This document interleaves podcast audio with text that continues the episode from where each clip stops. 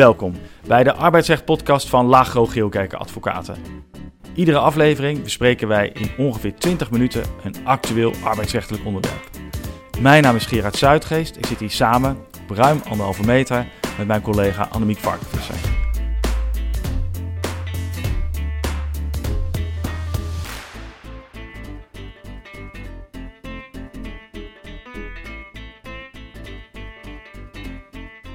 Vandaag is het tweede deel van ons drieluik over arbeidsongeschiktheid.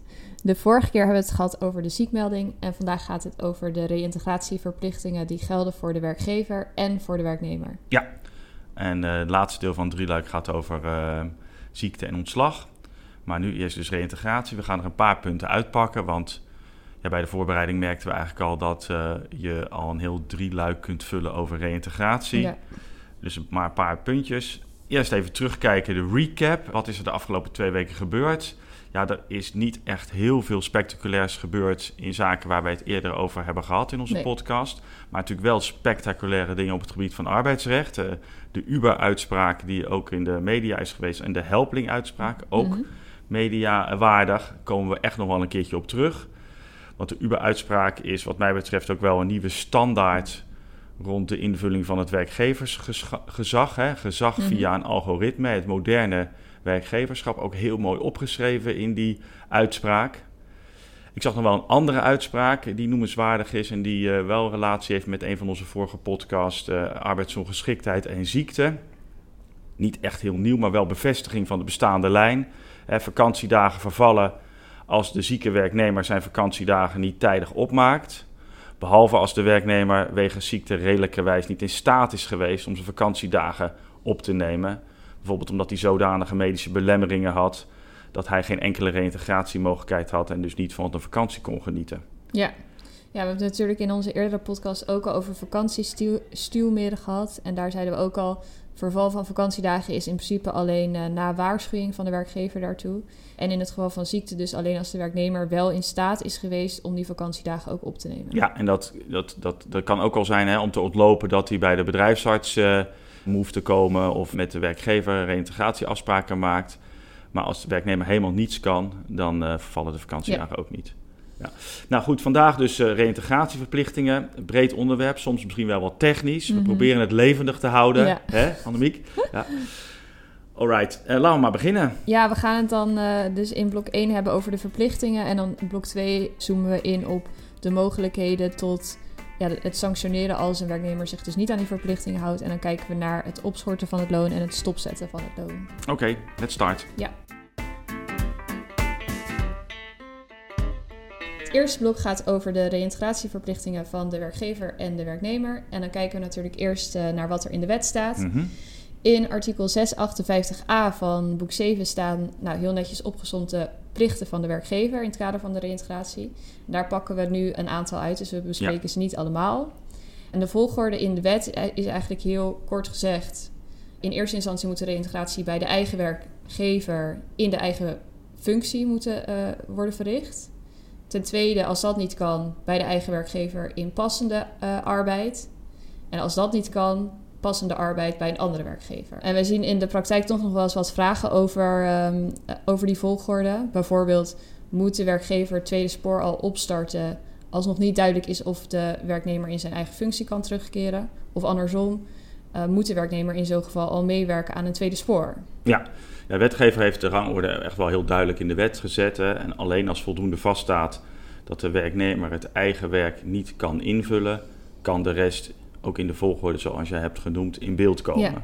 ja. dat geldt natuurlijk als er sprake is van een arbeidsongeschikte werknemer die als gevolg van beperkingen moeite heeft om de eigen functie te vervullen.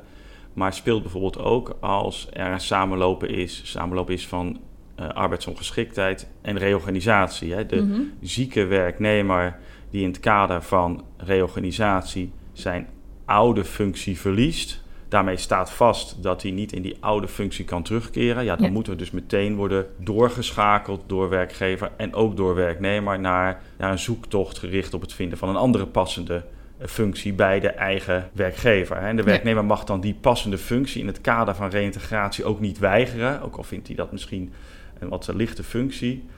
En mag dus ook niet eisen dat werkgever zijn oude functie maar in de lucht houdt. Hè, de, Mhm. functie die eigenlijk door reorganisatie niet meer bestaat. En als de werknemer dan toch zonder deugdelijke grond weigert om de reïntegratie in die andere passende functie op te starten, ja, dan kan de werkgever de loonbetaling staken. Ja, de samenloop van ziekte en reorganisatie kan dus soms voor eh, complexere situaties eh, ja, zorgen. zeker. Maar eh, even terug naar mijn vragen. Oh ja, dat is ook waar ook. Ehm, ehm, wanneer, re- wanneer tweede spoor? Hè? De, de werknemer hoeft dus niet aan het tweede spoor mee te werken, zolang niet vaststaat dat in het eerste spoor bij de eigen werkgever afdoende reïntegratieresultaat kan worden bereikt. Maar die mogelijkheid om dat te weigeren, die geldt eigenlijk alleen voor het eerste ziektejaar. Na omkomst van dat ziektejaar moet de werknemer in het tweede ziektejaar wel meewerken aan het tweede spoor.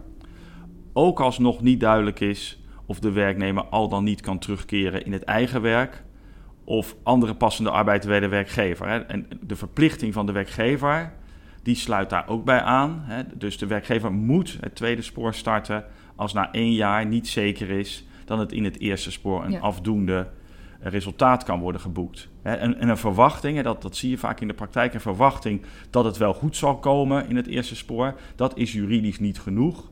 We zien wel veel werkgevers daarop hopen, maar hoop is niet zo'n goede stra- strategie, althans niet juridisch. Hè, dat als het toch niet goed blijkt te komen in het eerste spoor, dan legt het UWV na het tweede jaar gewoon een loonsanctie op als het tweede spoor niet tijdig is gestart. En misschien in dat kader nog wel goed op te, om goed om op te merken, hè, wanneer heb je nou een afdoende reïntegratieresultaat bereikt? Mhm. Eh, ik, ik ga ervan uit dat wel bekend is dat het UWV en de rechter menen dat sprake is van een afdoende reïntegratieresultaat als de werknemer 65% van zijn loonwaarde haalt. Dus als werknemer 65% of meer kan terugkeren in het oude werk, heeft werkgever aan zijn reïntegratieverplichting voldaan. En is het kijken naar een andere passende functie of tweede spoor niet meer aan de orde. En natuurlijk kan de werknemer in zo'n situatie ook wel vragen om 100% te mogen werken in een andere passende functie bij de werkgever. En als de werkgever dat goed vindt, dan kan dat natuurlijk. Maar de werknemer kan dat eigenlijk niet op grond van de Nee. regels rond reïntegratie afdwingen. Dan is eerste spoor, eerste functie, eigen functie voldoende. Nou, dan zijn we dus klaar. Ja, en misschien ook nog wel goed om op te, om eh, op te merken is dat de wet een digitaal systeem kent ten aanzien van de arbeidsongeschiktheid. Ja. Dus je bent ziek of je bent niet ziek.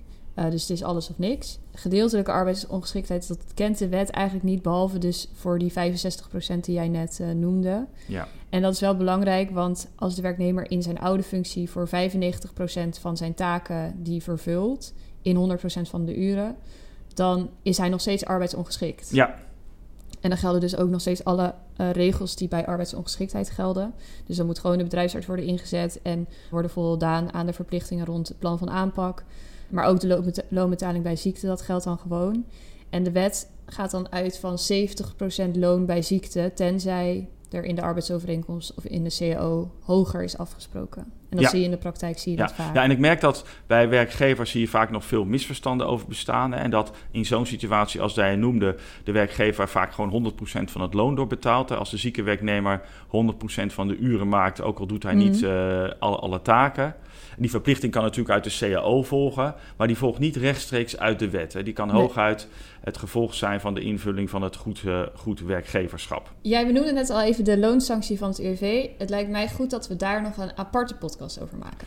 Ja, dat is waar. Dat, dat is misschien beter. Dat doen Ja. we. En dan maken we er ook nog een keertje eentje over de vragen die voortvloeien uit... Ja, wanneer wordt nou passende arbeid bedongen arbeid... en wat voor consequenties Ja, heeft dat voor de loonbetaling... en hernielde uit van na twee jaar arbeidsongeschiktheid. Dat is allemaal nog best heel ingewikkeld. Ja, dus komen nog een paar podcasts aan. Ja, maar we staan dan nu, denk ik wel goed om even stil te staan bij... wat is nou eigenlijk passende arbeid? En dat is ook al in de wet geregeld. En de wetgevers heeft dan opgeschreven... dat is alle arbeid die voor de krachten en bekwaamheden van de werknemer is berekend... Mhm. tenzij aanvaarding om redenen van lichamelijke, geestelijke of sociale aard... niet van de werknemer kan worden gevergd. Ja, dus het uitgangspunt is: passende arbeid is alle arbeid die de werknemer zou kunnen verrichten. Tenzij. Ja, er zijn een paar uitzonderingen, maar in beginsel is het Ja. een hele ruime groep functies. Ja. En de tenzij je ziet op, nou ja, van de eh, sociale aard. Nou, het is van, eh, misschien van de directeur niet te verwachten dat hij uh, schoonmaakwerkzaamheden gaat doen. ook al zou hij die werkzaamheden in technische zin wel kunnen verrichten. Ja. als, als arbeid, we zeggen ook in, in, in mentale zin, heel ver afstaat van de eigenlijke functie, hè, geestelijke, van geestelijke aard. Nou, dus zo zijn er wel een aantal beperkingen. Maar uitgangspunt is dat vrijwel alle arbeid is, is, is passende arbeid. Dus werkgevers kunnen best ver gaan in het aanbieden van uh, ander werk als de werknemer niet in staat is om uh, het eigen werk te vervullen. Ja, dan naar de tweede verplichting. De werkgever die moet maatregelen nemen om de terugkeer van de werknemer in het eigen werk in andere passende arbeid of inschakeling bij een andere werkgever te bevorderen. Ja. Hoe ver gaat die plicht dan ten aanzien van het eigen werk? Dus bijvoorbeeld kan je scholing verwachten van de werkgever of jobcarving? Ja, ja uh, de verplichtingen die op de werkgever rusten, die gaan soms best ver. Mhm. Soms tot en met het intern aanpassen van de organisatie. Scholing moet, als dat helpt. En dat geldt ook voor de aanpassing van de functie. Maar er geldt steeds wel het moet in redelijkheid van de werkgever te vergen zijn. Hè. Een volledige uitholling van een functie, waardoor er feitelijk een nieuwe functie ontstaat, dat kan op zichzelf wel soms onder omstandigheden wel te vergen zijn, maar dan natuurlijk niet meer tegen het oude loon. Mhm. In het kader van de reïntegratie houdt de werknemer natuurlijk altijd wel een percentage van zijn oude loon gedurende de eerste twee jaar arbeidsongeschiktheid. Ook al is de rol heel substantieel aangepast, maar als er twee jaar voorbij zijn, dan wordt natuurlijk de loonwaarde van de aangepaste functie bepaald en is dat loon het uitgangspunt. De werkgever hoeft uit zichzelf geen nieuwe functies te ontwerpen, maar mag wel dan um, het eigen functiehuis gebruiken bij de toetsing of er een andere passende functie is. Ja, klopt. En, en er ontstaat een omslagpunt in, in wat er van de werkgever kan worden verlangd. Als de werknemer zelf aangeeft welke taken, verantwoordelijkheden en bevoegdheden, samen een, een functie, welke functie hij zou kunnen vervullen. En dat mag ook een samenraapsel zijn van allerlei losse taken die bij verschillende functionarissen of bij verschillende functies zijn uh, ondergebracht. Dus als de werknemer een concreet voorstel doet, dan moet de werkgever concreet gaan toetsen of die samengeraapte functie in redelijkheid van de werkgever is te vergen. Als het het geval is, dan moet de werkgever die functie aan de werknemer aanbieden. Als dat in redelijkheid niet valt te vergen, dan mag de werkgever die reïntegratiewens van de werknemer afwijzen. Ja, dus in reïntegratie mag of moet dus veel. Mhm. Eh, en als werknemer eigen functie niet geheel kan vervullen, dan, ja, dan moet de werkgever andere passende werkzaamheden aanbieden aan de werknemer. Uh, maar dan heeft de werkgever wel invloed op wat hij aanbiedt. Zeker, zeker. En daar, daar zit ook vaak wel een belangrijke sturingsmogelijkheid voor werkgevers bij arbeidsongeschiktheid. En dat uh, is te meer aan de orde als de werkgever het gevoel heeft dat een werknemer zich om strategische redenen heeft ziek gemeld. Bijvoorbeeld bij mhm. een conflict. Ja. Uh, dat wordt heel vaak als een probleem gezien door werkgevers, uh, maar het is ook een kans. Hè? Het, want de werkgever heeft dan de mogelijkheid om de werknemer veel gemakkelijker weg te houden bij cruciale elementen van het eigen werk van de werknemer. Hè? Dan, dan onder het motto van we willen de werknemer ontlasten. Mm Terwijl die ontlasting tussen aanhalingstekens veel moeilijker is in een conflict situatie als de werknemer niet ziek is. Hè? Want dan moet worden vrijgesteld van werkzaamheden. geldt een hele hoge lat voor. Mhm. En dat, die hoge lat geldt niet bij, uh, bij arbeidsongeschiktheid en de zoektocht naar passende arbeid. Hè? En ook in dat verband is het lang niet altijd verstandig dat de werknemer zich om processtrategische redenen ziek meldt. Ik zei het al, ik zie het bijna nooit als een probleem dat zo'n werknemer zich ziek meldt, maar bijna altijd als een kans. Een kans om, zoals ik al zei, de werknemer weg te halen bij cruciale onderdelen van zijn functie en daar dus een andere werknemer tijdelijk neer te zetten. Een kans om de werknemer ja, eigenlijk wat onder druk te zetten met het aanbieden van passende werkzaamheden die hij eigenlijk moet gaan verrichten. En een kans om een misschien gevoeld arbeidsconflict ook in het kader van arbeidsongeschiktheid benoemd te krijgen. En in dat geval gaat er dan vaak mediation plaatsvinden. En het is mijn ervaring dat in zo'n traject het ook voor de werknemer veel makkelijker is om te melden dat hij het eigenlijk niet meer ziet zitten en langs die lijn een beëindigingsregeling komt. En natuurlijk is het voor een werkgever frustrerend als een werknemer zich om ja, gevoelde strategische redenen ziek meldt. Maar als een werkgever voldoende geduld heeft, dan leidt dat vaak zeker in de huidige arbeidsmarkt, waarbij uh, ja, die goud garant is natuurlijk, vaak tot het eigen vertrek van de werknemer, die het eigenlijk niet meer ziet zitten om bij de werkgever te blijven. Maar als de werkgever geen geduld heeft, en dat zien wij in onze praktijk natuurlijk veel vaker, ja, dan is mijn ervaring dat de ziekmelding een versnelling is van het eindspel. En juist niet een vertraging daarvan. Dan nog kort een paar afsluitende opmerkingen over het tweede spoor. Dat is ook een uh, plicht voor de werkgever die expliciet uit de wet voortvloeit. Iedereen weet dat het tweede spoor kan in principe ook al op de eerste ziektedag worden gestart. Maar het moet in ieder geval als de werknemer één jaar ziek is. En als niet voldoende vaststaat dat na 104 weken in het eerste spoor afdoende resultaat is bereikt. Dus bij twijfel hierover moet het tweede spoor worden gestart. En dat mag dan alleen achterwege worden gelaten als de werknemer geen enkele belastbaarheid heeft. Het gaat hier best wel vaak mis, zien wij in de praktijk. Ja, En dan volgt eigenlijk altijd een loonsanctie van het UWV, omdat je dan gewoon te laat het tweede spoor hebt uh, opgestart.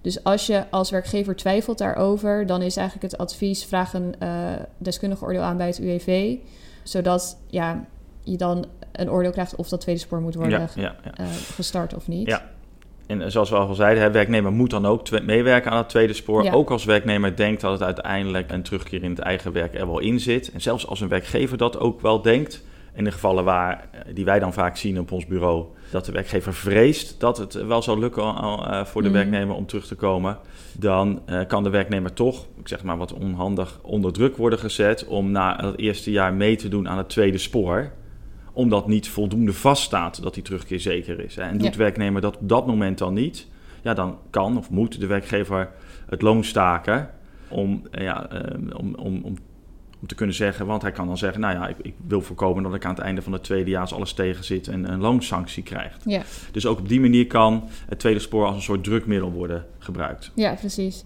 Wij zien ook veel vragen in de praktijk over of de werknemer verplicht is om ontslag te nemen als via het tweede spoor ergens anders uh, wordt gewerkt? En het antwoord daarop is nee, dat, uh, dat hoeft niet.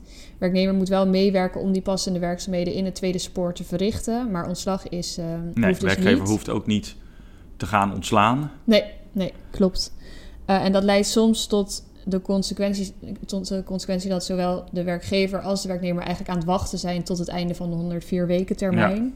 Maar het voordeel is dan wel dat als dan wordt beëindigd na 104 weken, dat de transitievergoeding die moet worden betaald door de werkgever, wordt vergoed door uh, het UWV.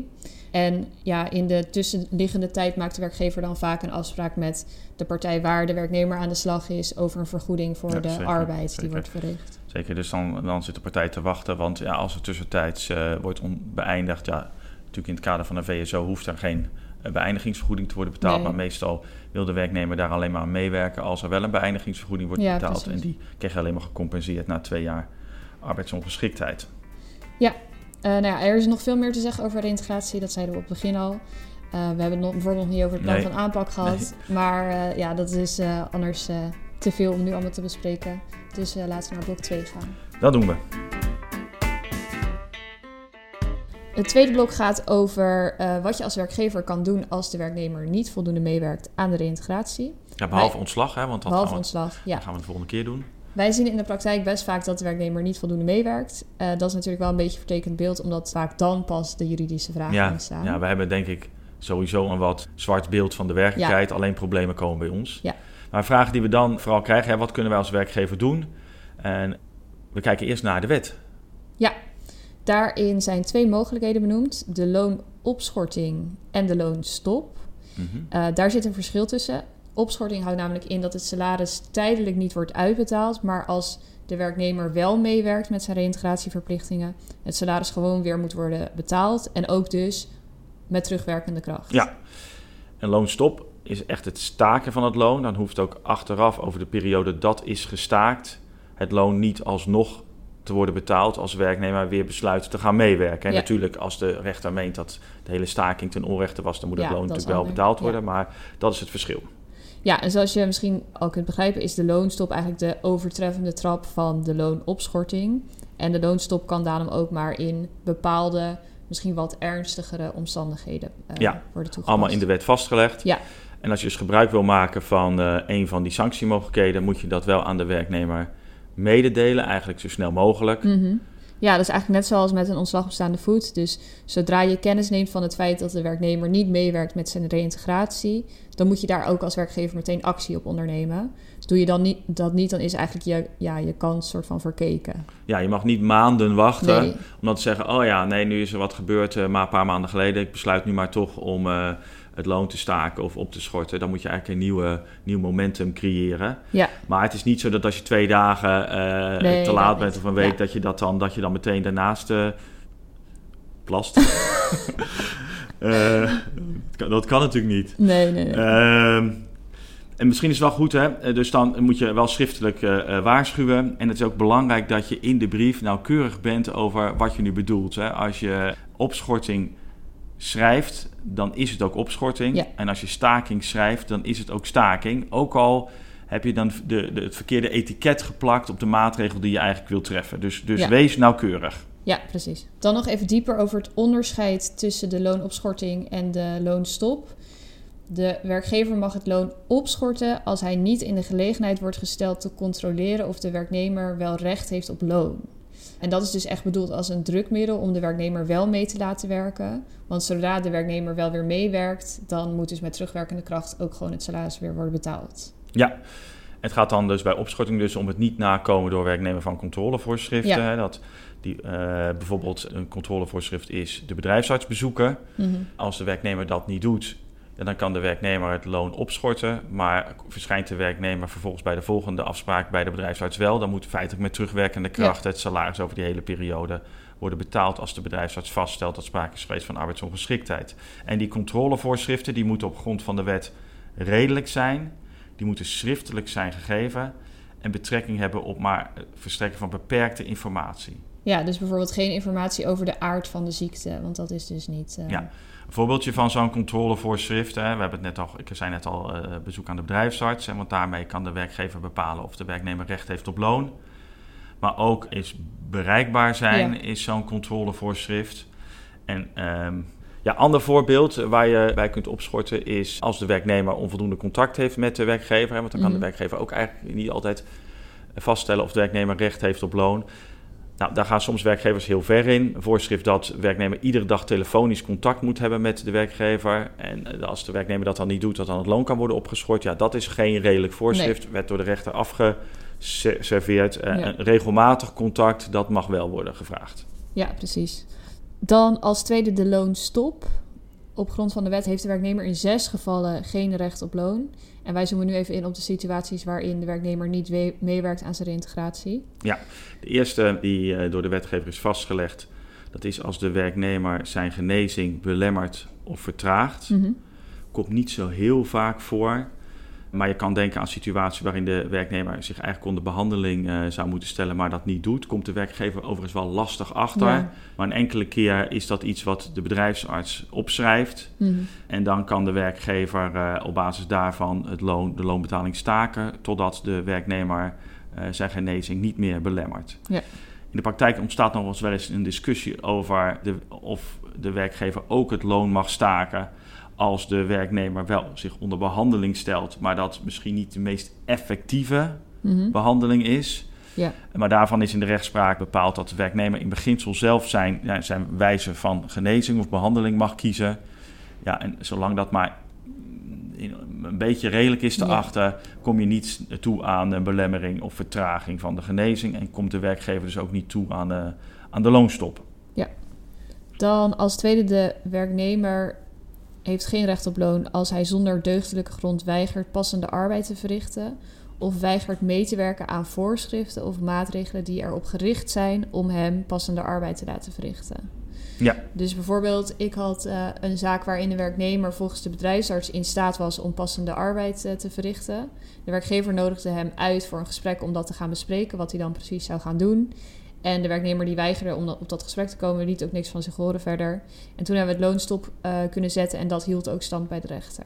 Dus Ja. dat is een voorbeeld. Ja, school, schoolvoorbeeld Ja. zou ik bijna zeggen. Ja. En in alle situaties waarbij vaststaat, joh, er is voldoende vaststaat, er is passende arbeid, werknemer kopt niet, om welke reden dan ook, zou ik bijna zeggen. Ja, als, Ja. als deugdelijke grond ontbreekt, ja, dan is er geen recht op loon. Ja, anders is als je een werknemer uitnodigt voor een gesprek terwijl hij 100% arbeidsongeschikt is en dan komt hij niet naar het gesprek. dan is het lastiger om zijn loon stop te zetten, omdat hij dus geen mogelijkheden heeft om passende arbeid te verrichten. Dus in zo'n geval zit je dan eerder in de loonopschorting in plaats van de loonstop. Ja. Ja, je kan natuurlijk wel de werknemer waarschuwen hè, Ja, als, die, als het een redelijke instructie is van de werkgever om te komen Mhm. en dat een redelijke wijs van de werknemer is te ja, dan kan je hem misschien opschorten en waarschuwen, maar loonstaken kan dan, dan niet. Laatste eh, belangrijke stakingsgrond is als de werknemer zonder deugdelijke grond weigert mee te werken aan het opstellen, evalueren, bijstellen plan van aanpak. En er wordt, door werkgevers wordt dat vaak als een administratieve last gezien. Dat is natuurlijk ook zo. Ja. Maar het geeft natuurlijk als werkgever netjes aan zijn verplichtingen voldoet en de werknemer is het eigenlijk met de inhoud van dat gewijzigde plan van aanpak niet eens. En gaat daarom niet ondertekenen of gaat niet terugsturen of weet ik wat, ja, dan heb je als werkgever de mogelijkheid om eh, voor de periode dat de werknemer dat weigert, om dan eh, het, het loon weer te staken. Ja, en dat geldt ook bijvoorbeeld als je, als je werknemer uitnodigt om eh, te praten over het plan van aanpak en de werknemer niet komt. Ook dat is, hè, een situatie. Dan kan het loon gewoon worden gestaakt. klopt. Ik heb nu wel bijvoorbeeld een zaak waarin de werkgever mijn cliënt oproept voor een gesprek over het plan van aanpak. Maar mijn cliënt wegens een conflict echt niet in staat is om zo'n gesprek te voeren. Dus dan zou je wel kunnen zeggen dat is een deugdelijke grond om dat te weigeren. Helpt dan, eh, dat, dat helpt de werknemer alleen als, denk ik, als de bedrijfsarts heeft vastgesteld Ja. dat eh, het een overbelasting is Mhm. van de werknemer op het moment dat hij eh, zo'n gesprek met de werkgever gaat voeren. Ja. Alright, nou een heel verhaal over reïntegratie, waar we denk ik niet alles hebben, alles hebben aangeraakt, maar wel denk ik een aantal belangrijke Ja. punten hebben genoemd. Ja. Ik denk dat ehm, eh, daar nog veel meer over valt te zeggen. Volgende keer gaan we het hebben over reïntegratie en ontslag. Ja. Ook een paar interessante eh, dingen zijn daarover te melden. Ik zou zeggen dank voor het lu- luisteren. Ja, en eh, tot de volgende keer. Tot de volgende keer.